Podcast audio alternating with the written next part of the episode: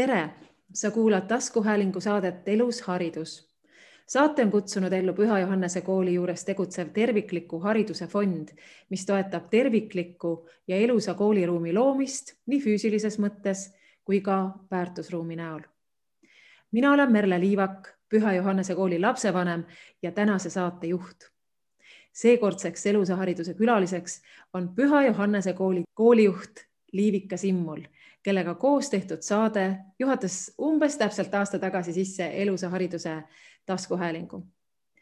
täna räägime sellest, mis on Liivika kui koolijuhi viimase aasta sisse mahtunud, millised arengud on toimunud kahe erilise kevade vahel ja kuidas edeneb kooli mõttelise ja füüsilise ruumi ehitamine nüüd. tere, Liivika. tere, tere kõigile ja esiteks äh, palju õnne sulle selle eest, et sind esitati Tallinna linna teenetemärgi kandidaadiks. aitäh. sind esitati pikaajalise ja pühendunud töö eest haridusvaldkonnas ja panuse eest Tallinna hariduselu rikastamisel. millist äh, oma tööd ja saavutusi pead sa hariduselu rikastamisel kõige tähtsamaks? no me ju teame, et Äh, erinevus rikastab ja selles mõttes on küll haridusmaastik üle Eesti ju muutunud väga mitmepalgeliseks. Äh, mäletan, kui algas omanäolise kooli liikumine, mille sõnum oli, et kõik koolid võiksid otsida oma nägu. see taotlus on küll väga hästi realiseerunud, sellepärast et äh, praegu on koolid ikkagi väga erinevad.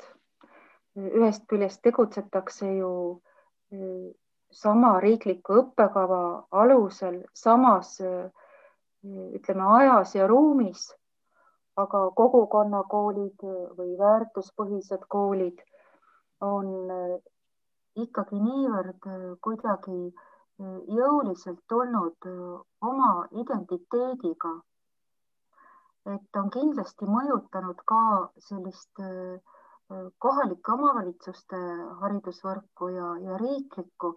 nii et selles mõttes äh, me võime ikkagi rääkida noh, ühisest Eesti koolist kõige sügavamas mõttes oma kõige ütleme noh, kõrgemates taotlustes, ma arvan, et need on kindlasti ühised ja, ja tehakse koostööd võib, võib öelda, et Eesti on haridusrikas maa, eks ole? oo oh jaa, igas mõttes, igas mõttes. millised rikkused sinu jaoks kõige sümpaatsemad või südamelähedased on, mis, mille üle me võime siin Eestis uhked olla? no eks oma kool teeb ju ikka palju rõõmu. ta on rikas selle poolest, et ma arvan, ta on maailma mastaabis unikaalne meie aluseks, meie juureks on ju sellised äh, iidsed äh, traditsioonid, üks sajandite pikkune traditsioon. ja meie jaoks on kõige põnevamaks loominguks selle realiseerimine siin ja praegu, just selles ajastus, just selle generatsiooniga, kes tuleb kooli nii õpetajate, vanemate kui õpilaste näol.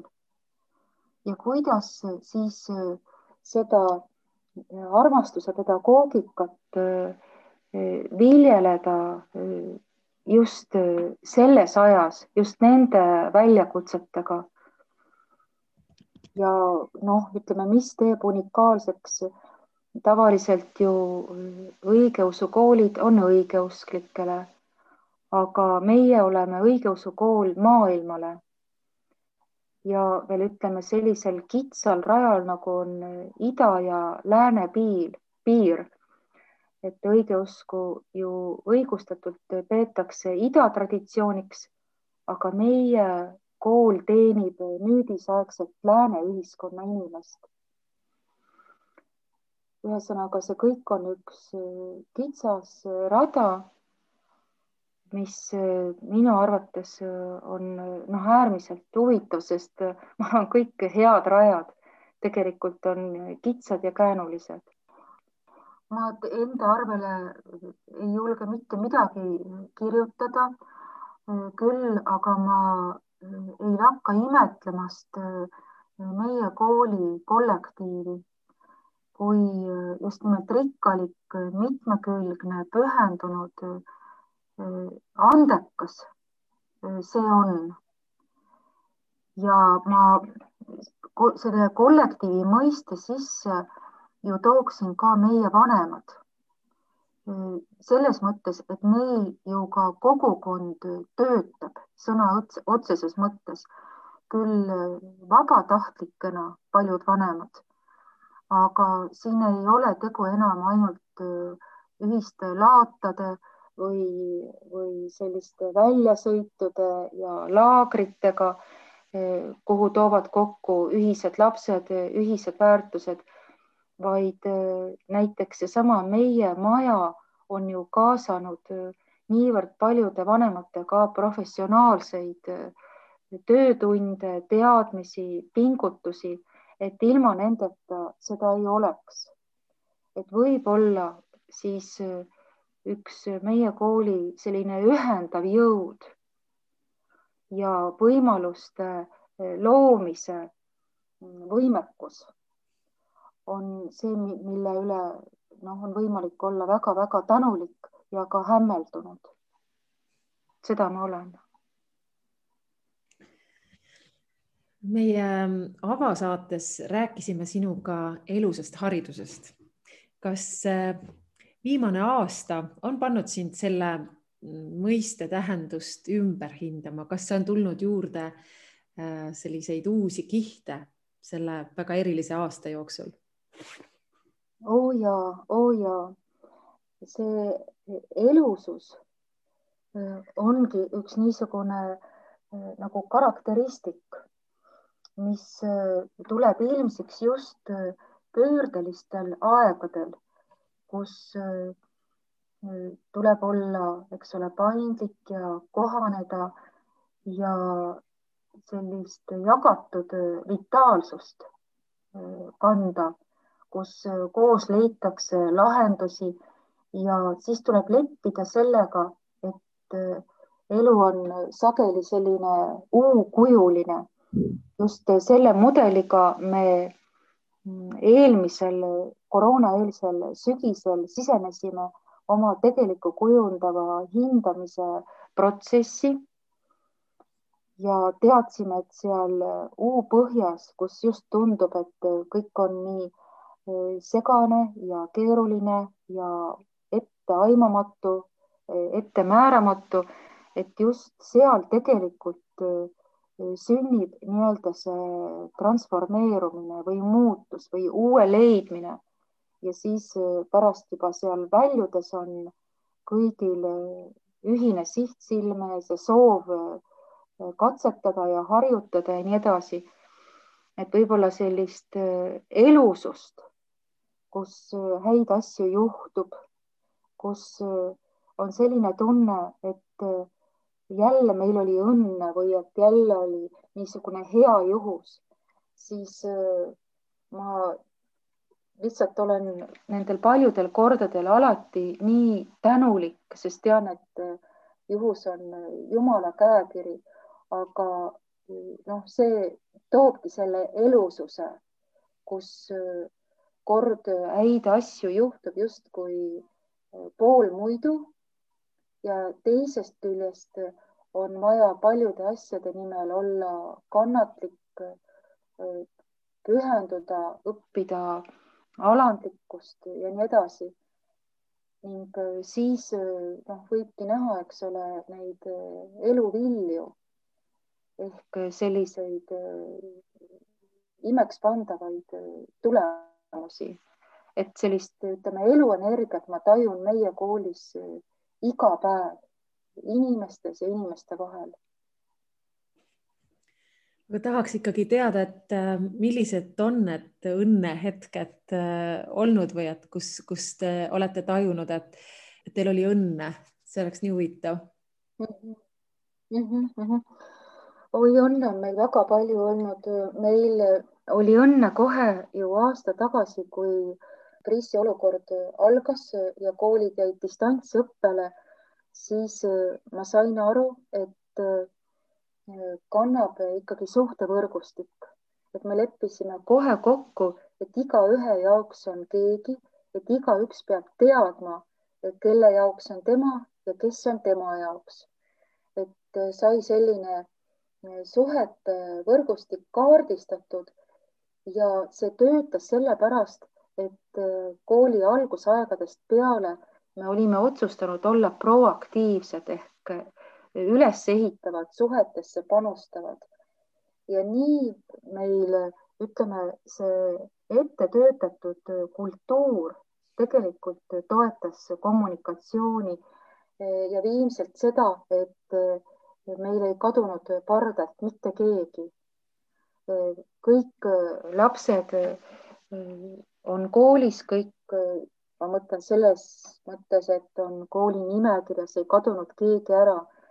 augusti lõpus ma sain ehmatavalt palju telefonikõnesid, et palun võtke mu laps kooli, sest ta ei soovi tõusta voodist, siis ütleme noh mulle, mulle seni tundmatutelt vanematelt ja teistest koolidest ja siis ma nägin, et see koroonalaine on olnud ikkagi väga ehmatavalt, ütleme, üle rullunud sellelt ühiselt koolilaevastikult, siis ütleme sellist võib-olla õnnetunnet või suurt tänu ma tundsin kui nüüd meie esimene lend äh, jõudis äh, oma esimeste riiklike loovtöödeni ja üks äh, meie kogenud, kogenud õpetaja nimetas seda väga õigesti plahvatuseks.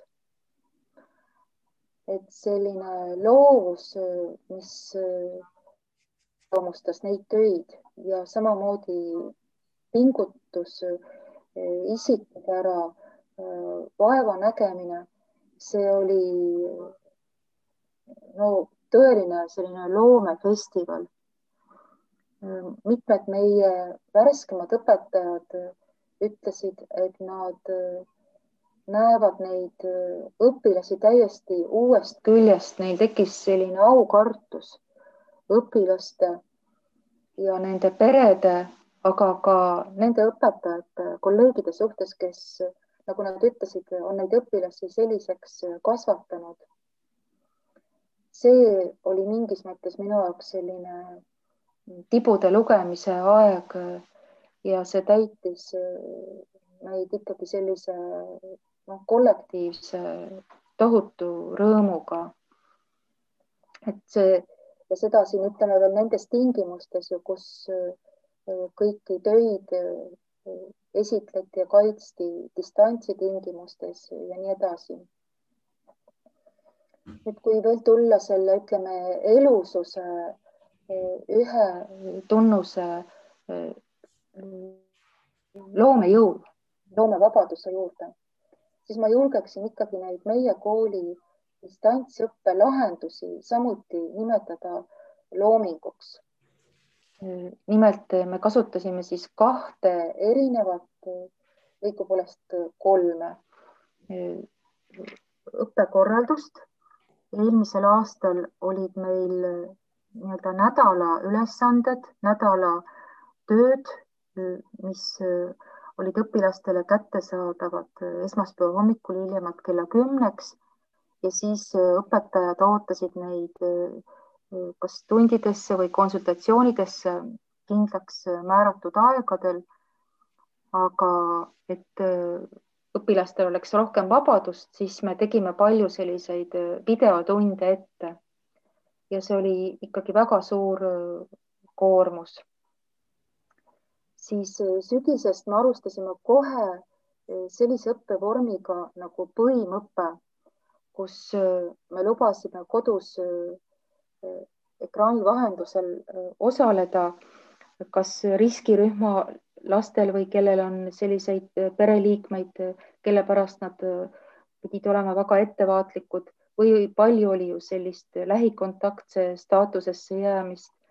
Ja see oli õpetajatele jällegi uus väljakutse õpetada nii, et sul on osad lapsed kohapeal füüsiliselt klassis ja teised osalevad siis nii-öelda digitaalses klassiruumis.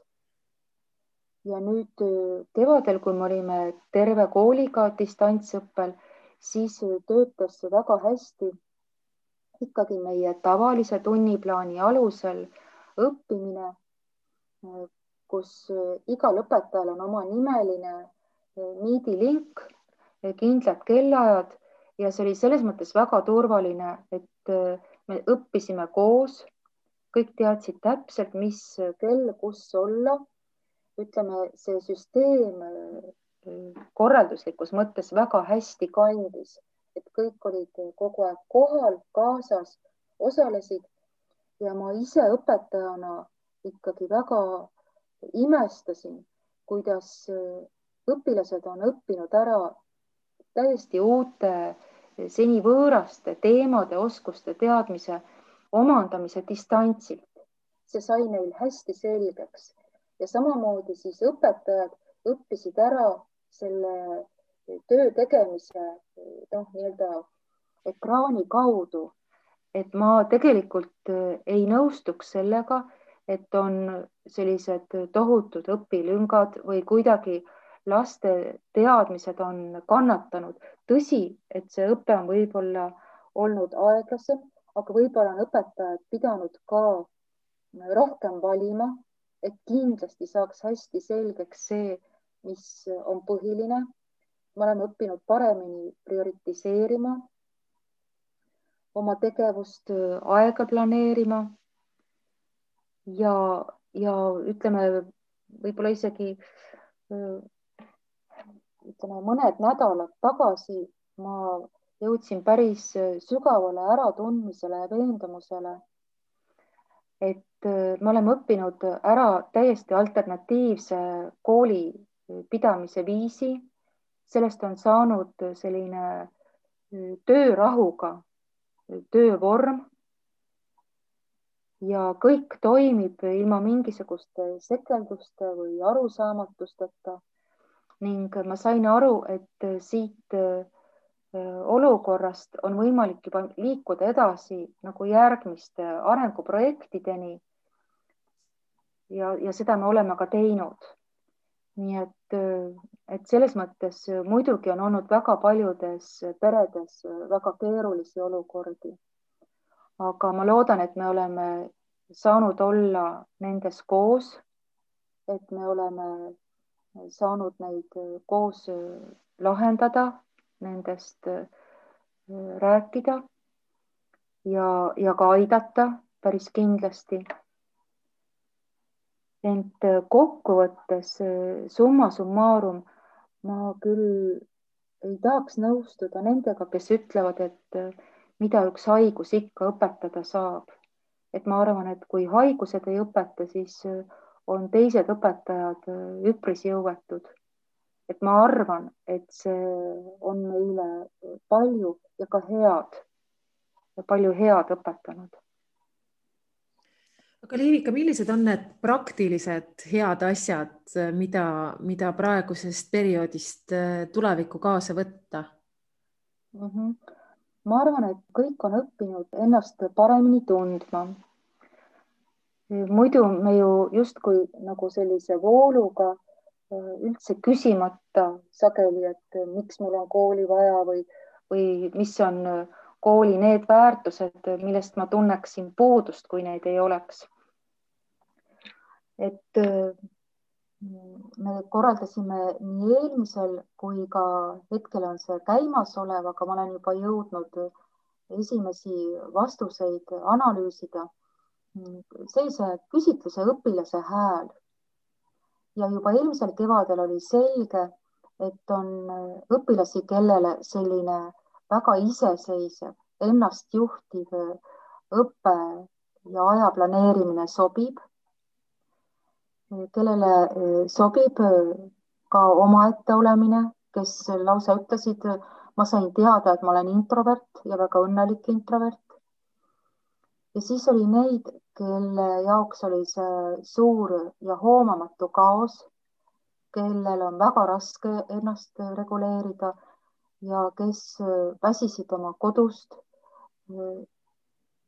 või kes vajasid väga teisi inimesi, et üldse ennast tajuda. Ja ka nüüd me mõnes klassis, kust võib-olla eriti jõuliselt tuli esile see, et lapsed soovivad sellist iseseisvat nädalapõhist planeerimist. me tegelikult jätsime õpetajatega võimaluse. aga ma olen päris kindel, et meie õpilased ja ka õpetajad on saanud väga praktilisi teadmisi, millest ma usun, ilmselgelt on äh, väga praktilist kasu, et nad äh, tunnevad iseennast. Nad teavad, äh, mis neile sobib, mis neile meeldib, kuidas õppida, kuidas oma elu korraldada. noh, sellele on kõvasti kaasa aidanud ka meie hindamissüsteem, mille keskmes on õpilase eneseanalüüs nimelt siis iga õppeperioodi ja ka õpetajati iga teema alguses õpetaja tutvustab klassile ja koos siis leitakse ka motivatsioon ja teekond nendeni eh, õpiväljundeid. Ehk eh, kuhu on plaan jõuda? Ja seal on nii eh, ainepädevused kui üldpädevused need, mis puudutavad inimeseks olemist, mida just õpetaja ja, ja õpilased tajuvad hetkel kõige olulisemana. ja siis, kui on jõutud selle õppetsükli lõppu, siis õpetajad koostavad nende väljundite põhjal eneseanalüüsi alused, mille põhjal lapsed siis reflekteerivad oma õpikogemust ja millele omakorda siis õpetaja vastab. Ma olen ise sellest väga vaimustunud, sellepärast et ma näen, et kui õpilased saavad kaasa sellise enese ütleme, tunnetuse, eneseteadvustamise oskuse, siis tegelikult nad noh, saavad kindlasti oma elus hästi hakkama. ma tsiteeriksin ühte meie lapsevanemat. nimelt meie kool on ju tuntud olnud väga konservatiivse digiõpetuse poolest. me oma lastele esimest korda arvutid andsime kätte üldse esialgu neljandas klassis, siis äh, riikliku õppekava nõudmiste tõttu kolmandast ja ka väga minimaalselt ja olid äh, peredega sellised kultuurilised kokkulepped, mis on limiidid ja nii edasi, et see kõik oli hästi nagu läbimõeldud. ja mm, peab siiski ütlema, et paradoksaalsel moel ei ole see saanud takistuseks ikkagi selleks tiigrihüppeks, et see digipädevuste hüppeline tõus eh, tänu sellele, eks ole, distantsõppele üleminekule sai ikkagi tehtud noh, ilmselgete pingutustega, aga väga kiiresti ja tõhusalt. ning nüüd, kui meil oli see loovtööde protsess, mis algas juba septembris, lapsed pidasid oma loomepäevikuid, kirjeldasid oma protsessi, kohtusid juhendajatega ja nii edasi.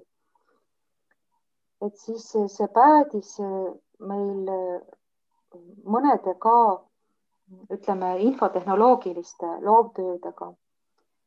ja üks oli siis, üks õpilane tegi sellise noh, seda võib nimetada arvutimänguks, aga ta programmeeris selle, disainis selle ise. Ta tegi seda täiesti iseseisvalt, paar korda tal tekkis viga, mida tal siis isa aitas otsida. ja see töö oli muidugi erakordse töömahuga, nagu väga paljud nendest töödest. ja tema juhendaja kaitsmisel ütles, et kui ta kuulis õpilase plaani, siis ta jõuga hoidis tagasi, et mitte öelda, et see ei ole realistlik, et ma ei soovita sul võtta ette sellist töömahtu, mida sa tõenäoliselt ei oska kogenematusest prognoosida. aga ta tegi selle töö iseseisvalt ja omandas need oskused siis äh, Youtube'i videotest ja veel erinevatest allikatest. ja kui ta sai siis komisjoni ja retsenseerijate otsusega hindeks viie plussi, siis tema ema ütles, et tema jaoks tähendas see, et ta laps on võimeline iseseisvalt omandama elukutse ja see oli mulle väga suureks äh, rõõmuks. võib-olla ma tahaksin mainida veel ühte tööd, mis äh, oli üks küll muljet, väga muljetavaldavatest, aga umbes äh, analoogilises valdkonnas, kus meie üks õpilane soovis luua ise positsioneerimissüsteemi. ta siis sai inspiratsiooni füüsikatunnist kus õpetaja seletas, kuidas töötab GPS ja ta soovis seda teha siis kodus oma robotile ja ta katsetas nelja erinevat positsioneerimissüsteemi, seal ultraheli ja, ja mida kõike veel ja siis lõpuks ta leiutas enda oma, mis siis ka toimis ja ta sai äh, selle rakendatud ja noh, selle töö kohta ka mitmed äh, õpetajad äh, ja ka lapsevanemad ütlesid, et see tegelikult on äh, bakalaureusekraadi väärt. et ma tahan öelda, et see enese huvi äh, ja enese üldse tundmine annab tegelikult sellise potentsiaali avanemise.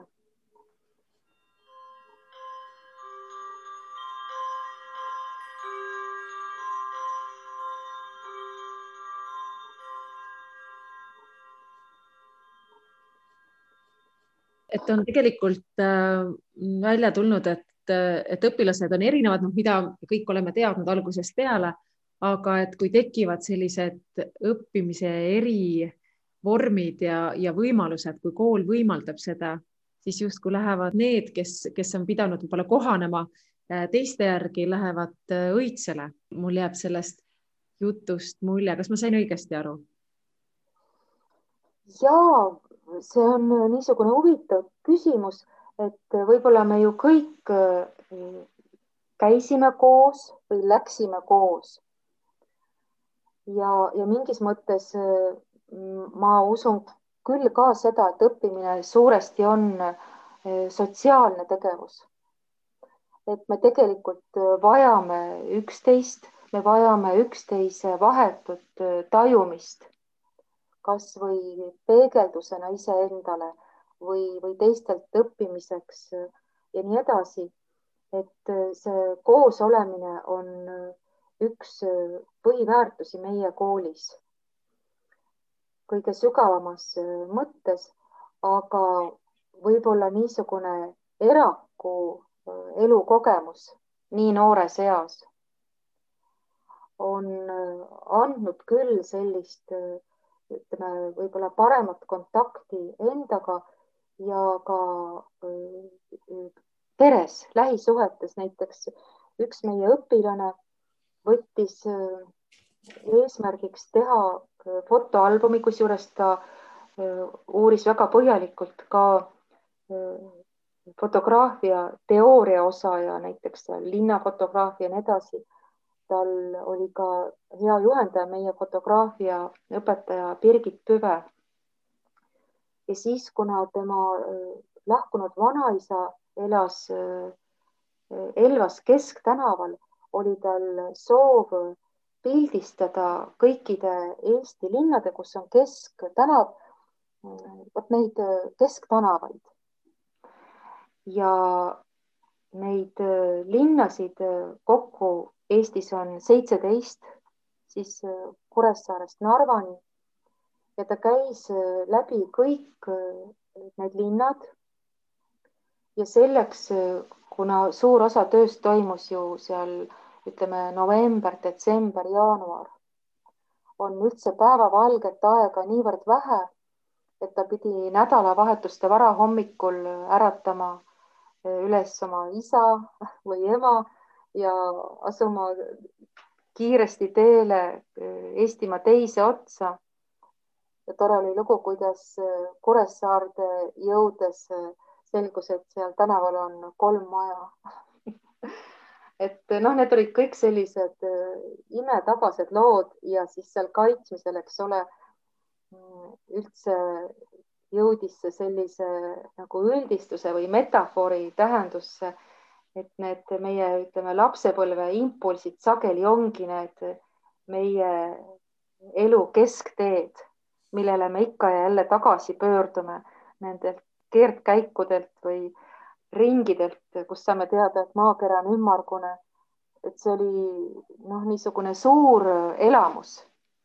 ma kindlasti julgen öelda kultuurielamus aga tuleme selle Herakluse teema juurde veel korra tagasi, aga enne ma tahaksin, et sa räägiksid, kuidas on läinud äh, Püha Johannese kooli koduõppeosakonnal, mis avati sügisel ja milleks äh, tuli siis impulss ka kevadisest koroona äh, karantiinist? Ja meil esialgu hakkasid koduõppe võimaluse kohta küsima enda lapsevanemad ja mulle hakkas üldse väga meeldima see õppevormide erinev eri,, erinevus. et üks kool saab ühendada endas erinevaid õppeviise, vastates niimoodi oma inimeste vajadustele. ja meil oli taaskord õnne oma koduõppeosakonna koordinaatori leidmisel. selleks on Ingrid Vooglaid, kes on selle temaatikaga väga põhjalikult tegelenud juba viisteist aastat ja ta teadis, missugune koduõppevorm omakorda on Eestimaal puudu. et on olemas siis selline võib-olla liberaalsem õppevorm, kus on kogu vastutus ja täisvabadus lapsevanemal ja on olemas selline juhendatud koduõpe, kus vastutus on rohkem jagatud ja vanematel on kooli ees suuremaid ja regulaarsemaid kohustusi. et äh, puudu on siis selline kuldne kesktee, kus tõepoolest äh,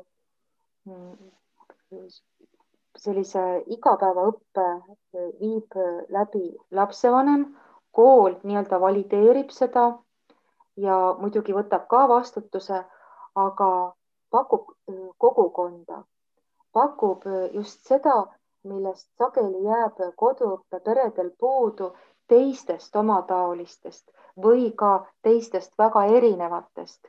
Ja seetõttu on meil need koduõppepäevad toimunud kord kuus, aga ka omavahel tihe suhtlus. ja ma loodan, et see õppevorm on meile tulnud selleks, et jääda. ma lappasin meie Ingridi suurt kaustikut kuhu ta oli protokollinud siis äh, esimese poolaasta arenguvestlused. ja see on üks äh, imetabane lektüür väga erinevatest, väga liigutavatest lugudest, kus äh, perekonnad näevad erakordseid pingutusi, et anda oma lastele unikaalne, just temast lähtuv, aga kõiki riiklikke standardeid arvestav haridus. et see, ütleme, kohtumine Ingridiga, kus ta sealt luges mulle ette kohapeal kirja pandud talle omase põhjalikkusega, oli noh, taaskord väga-väga suur ja võimas elamus selline asi töötab ja, ja mul on selle eest suur aukartus. minu enda lapsed äh, on ka sel perioodil, äh, sel kevadel olnud koduõppel ja ja me, me oleme, me oleme tohutult põnevaid asju äh, märganud selle, selle perioodi jooksul, aga, aga see, mis sa enne ka nimetasid, seda eraklust ja siis versus see kollektiivne õpe, siis ma ikkagi äh, oma laste puhul olen märganud mm, seda, et, et ühelt poolt nad on väga-väga rahul. Nad, me, me elame praegu täitsa maal metsade vahel ja, ja lapsed on selle vabaduse eest mida loodus neile pakub, looduslik keskkond, tohutult tänulikud. ja nad sellesse linnasaginasse nii väga ei, ei igatsegi tagasi, aga muidugi jällegi see sõpradega suhtlemine on see koht, mida nad igatsevad, aga noh, seda vahepeal ei saanud ka linnalapsed teha. et nüüd on võib-olla sellised esimesed päevad või nädalad, kus on tihedam suhtlus jälle käima läinud selle epideemia siis piirangute langemise tõttu, et Äh, ikkagi tahtmatult tekib selline küsimus, kas mingit vahepealset varianti, kus saab eralduda ja kus pere, kui pere saab oma elu niimoodi korraldada, saab liikuda mingisugusesse omaette tsooni, toimetada seal ja, ja mis annab ka geograafilise vabaduse ja võib-olla hoopis siis äh, pere ja lapsesõbralikumad tingimused, näiteks linnast väljas, maakeskkonnas. Aga samas ka võimaluse ikkagi olla, olla ka füüsiliselt osa sellest kogukonnast, et, et mitte, mitte nagu mõtteliselt ainult, et ikkagi mingisugused õppenädalad või siis äh, töötoad või kohtumised, et nagu tihedamalt ja regulaarsemalt toimuksid ikkagi ka lisaks sellele, et see oleks nagu selline hübriid, et see on nagu minu väike selline noh, idee, mis tahtmatult tekib lihtsalt äh, niimoodi siin selles koduõppe olukorras olles. aga jah, kas, kas ka sina koolijuhina oled selle peale mõelnud? ja me oleme siin seda ka omavahel arutanud, aga mitte sündmustest äh, ette rutanud. küll aga me näeme just praegu distantsilt äh, tulevat laste suurt nälga üksteise järele et see kindlasti on praegu selline defitsiidis vajadus. ja, ja kindlasti on vaja nüüd teha, tegeleda ka teatava sellise rehabilitatsiooniga, et uuesti õppida koos olema, mis vahepeal on juhtunud, kuidagi taastada sellised üheshingamised ja, ja grupidünaamikad. et väikestel lastel tuleb see võib-olla isegi loomulikumalt tohutu rõõmu ja lausa sellise peomeeleolu äh, näol. Äh, suured, äh, noh, kindlasti on vaja noh, sellist võib-olla teadlikku toetust, aga me ise muidugi oleme siia kevadesse planeerinud piirangute leevenemise lootuses igasuguseid väljasõite ja matkasid ja piknikke ja õpihuvilaagreid ja perelaagreid, et kohe, kui eh, see kõik osutub eh, võimalikuks, siis eh, nii-öelda vastata laste sotsiaalsele näljale. et lapsed vajavad eakaaslasi, nad vajavad sõpru, et see on üks niisugune suur, suur saladus et ja, ja me kindlasti seda nii-öelda nüüd prioritiseerime. kui see osutub võimalikuks ja, ja nii nagu ka pered siis ütleme, tunnetavad, et inimesed on ju ikkagi sellel, ütleme koroonaskaalal ju ka äärmusteni paiknenud, on inimesi, kes ka väga põhjendatult on väga pelglikud ja, ja on neid, kes äh, on juba väga muretud, on see siis seotud äh, vaktsiinidega või mitte, aga meie siin oleme võtnud ise sellise nagu vaikiva respekti, et meie asi on luua võimalusi, mitte lubada äh, mugavusotsuseid, vaid ärgitada siis oma selliste äranägemiste järgi vastavalt võimalustele kokku tulema aga noh, selge on see, et see on üks niisugune suur tasakaalu otsimine väga-väga peenel köiel kõndimisel. on üks äh, suurepärane uudis ja see on see, et Püha Johannese kool valmistub avama gümnaasiumi astet, vähemalt äh, tegutsetakse sellel suunal ja seda on asunud juba juhtima Oleg Švaikovski, kes, äh, kes on praegu koolis äh, muidu tegus olnud siis füüsikaõpetajana, on üks kooli asutajatest ja, ja Oleg asub gümnaasiumijuhi kohale tulles Nortalist, mis valiti eelmisel aastal aasta ettevõtteks Eestis. ja ilmselt sa, sa, Liivika, oskad meid valgustada, mis oli selle tiitli taga või, või põhjus, et see on huvitav koht? Ja ma tean, et Nortal on üldse väga innovaatiline ja äh, väga tubli ettevõte, aga ma saan aru, et seal oli eri tähelepanu sellele, et nad on enim töökohti loonud väljaspool Eestit. Ja just nimelt seda haru seal vedas meie Oleg, kes viimased kolm aastat töötas Põhja-Ameerikas, siis Ameerika Ühendriikides ja Kanadas just seal ettevõtte haru asutades ja arendades. et see oli jah, tema töö siis peaaegu et aasta inimene asub juhtima Pühaõnnese kooli gümnaasiumi see on nii eriline hetk, et praegu on, ma saan aru, ideid palju õhus ja tegelikult täpselt kontseptsiooni veel konkreetselt raamistatud pole. kuhu suunas gümnaasiummõtted liiguvad praegu, nii sinul kui ka siis Olegil? Ja meil on tegelikult äh, sellised äh, erinevad äh, töörühmad, selline võib-olla väiksem kolmeliikmeline tuumik, kes seda veab siis meie kooli juhtkond konsiiliumi näol arutab arenguid igal nädalal siis oma kõigi õpetajate ühisfoorumis iganädalases kolleegiumis räägime arengutest ja siis kord kuus laupäeviti on meil sellised strateegia ajurünnakud, et töö käib tegelikult väga intensiivne ja kõigele lisaks asus Oleg õppima ka doktorantuuri Äh, hariduse valdkonnas siis Tallinna Ülikoolis. nii et, äh, et äh, mul on selline hästi vägev déjà vu tunne, küll aga muidugi täiesti uuel värskel moel.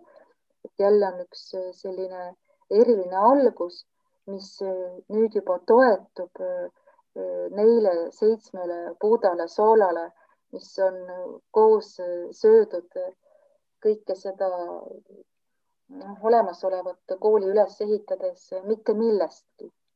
Oleg oli ju äh, kooli alguspäevadest juures ja ma mäletan, äh, kui ta IT-sektori inimesena ütles, et äh, teeme projektiplaani, et pane kirja kõik tegevused, mis on vaja teha. ja sinna sai siis nelisada rida, mis oli vaja ära teha neljateistkümne kuuga ja ma mäletan, me istusime raamatupoe kohvikus, Oleg vaatas seda, läks äh, näost väga süngeks ja ütles, see ei ole võimalik. aga siis, äh, nagu ta ise ütleb, hakkasid juhtuma imed. ja, ja ütleme noh, juba mitu aastat tagasi hakkas Oleg küsima, et kas on ikka kindel, et kool vajab mind füüsikaõpetajana, see on tema esimene haridus enne infotehnoloogiat ja ta hakkas äh, neid tunde ja teemasid äh, kõike juba mitu aastat tagasi ette valmistama. Ja nüüd, äh, kui ma, kuna meil oli kokkulepe, et me igal esmaspäeval lõunapaiku jalutame ümber koolimaja, siis ma ühel korral märkasin sellist talle üldse mitte omast kimbatust. ja, ja küsisin, milles asi ja siis ma sain aru, et ta on teataval teelahkmel. ja siis muidugi oli mul selge, et nüüd, nüüd tuleb asuda tormijooksule. ja veel kolm esmaspäeva me jalutasime nii, et Oleg ütles, et räägi veel sellest äh, gümnaasiumist.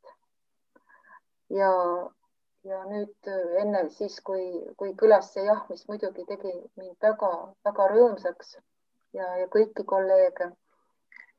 praegu on meil siis äh, selles mõttes, me oleme saanud nagu eks ole, paika, mida tähendab meie kool selles haridusastmes, selles vanuserühmas.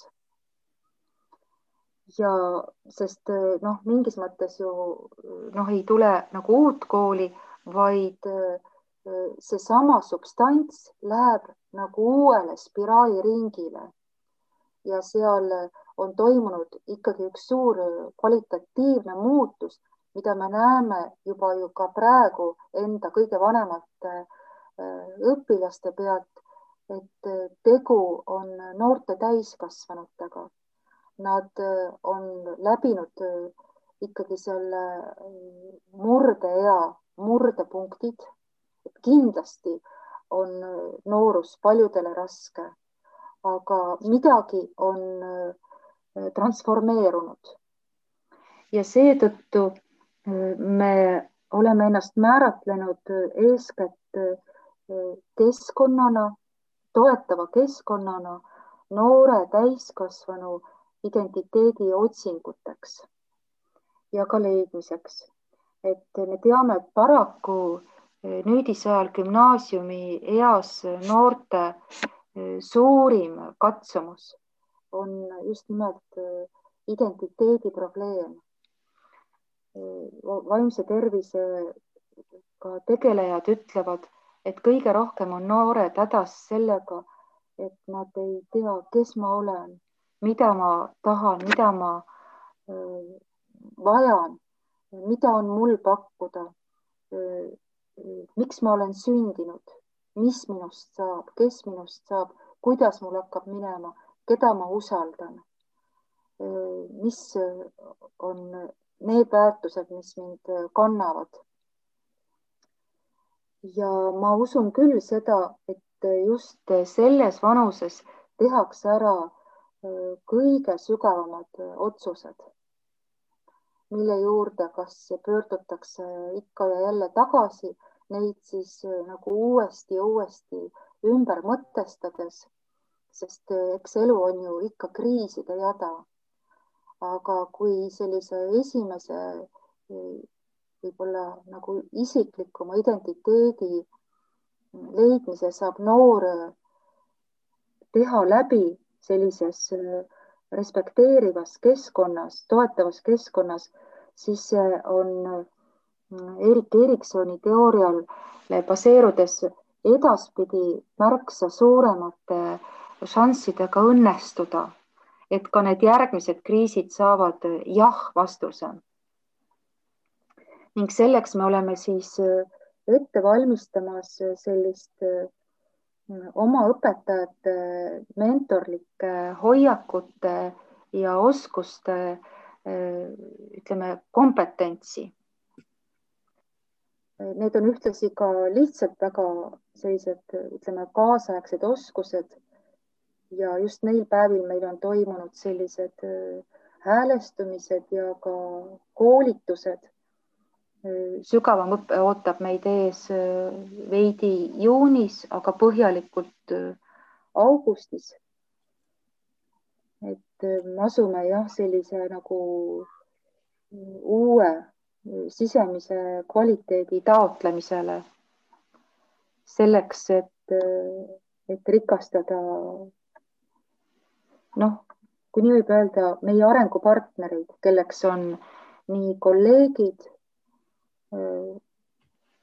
õpilased kui, kui vajadusel ka siis vanemad, ütleme selline mentorlik hoiak, mis ma näen, pakub huvi meie õpetajatele ja see on väga suur asi. Püha Johannese kool on asunud nüüd ehitama endale koolimaja. see äh, sissejuhatav periood on olnud nii, nii mitmed aastad ja, ja mina isiklikult olen nii äh, südamest kaasa elanud sellele kõigele ja, ja nüüd on see lahti läinud. kas epideemia aeg, see viimane aasta on kuidagi mõjutanud või, või muutnud ka seda kooliruumi ka füüsiliselt? ja, ja no ühest küljest see maja ju vastab meie arusaamale inimeseks olemisest inimese teekonnast, tema vajadustest. et seal on, ütleme, muutumatu osa, see, mis on nii-öelda kanooniline, kuna on aegade jooksul vastu pidanud sellisele proovile, mis on leidnud kinnitust kui, kui enim inimese terviklikkust ja elusust toetav. aga õpperuumid on tõepoolest sellised, mis võimaldavad paindlikkust, kohanemist ja juurde sai siis tehtud noh, näiteks fassaad sai ümber tehtud kahel põhjusel. kõigepealt see, et meil on seal sellised toredad, eks ole, kaared ja suured aknad. aga kuna meil on huvihariduskool ja muusikakool sealhulgas niivõrd tähtsad ja muusikaharidus üldse, siis meil on absoluutselt igas klassis klaver. ja kui arhitekt sellest teada sai, siis me avastasime, et need akendevahelised kaarepostid on liiga kitsad, et nende taha mahuks klaver ja siis sai nagu tehtud fassaadi ümber. ja teine on küll nii, et meil on nüüd ikkagi iga ruum ka väljast siis sissepääsetav ja, ja tänapäeval ju sundventilatsiooni tingimustes ei tehta enam avatavaid aknaid, aga, aga meil on nii, et on, on vähemalt igas ruumis eh, üks eh, avatav aken, et kõik, mis puudutab, ütleme seda ventilatsiooni teemat. aga nüüd siseruumid said kujundatud nii, et seal on siis ütleme see hübriid võim, distantsõppe võimalus. et äh, millised äh, on siis äh, tahvlid, ekraanid, projektorid, kaamerad, mikrofonid, laud, mille taga istub või ta reguleeritav saab seista. õpetaja, kus on siis kõik see kaadervärk, kus on muud materjalid ja lisaks ütleme sellesse suhteusku panustades on üheks meie selliseks nurgakiviks see, et klassijuhataja on kogu aeg oma klassi juures, et tema töökoht, tema töölaud on klassi taga. et alati on väline südametunnistus kohal. vot selles mõttes jah, et midagi on, mida me oleme nendes äh, senistes kitsastes oludes õppinud sellest, kuidas need ruumid kujundasid meid. Sellest kogemusest me oleme nüüd kujundanud oma uut ideaalruumi, mis mingis mõttes on jätkuvalt väga minimalistlik ja askeetlik. aga, aga mingis mõttes jätab ta lahtisi võimalusi veel ka praegu.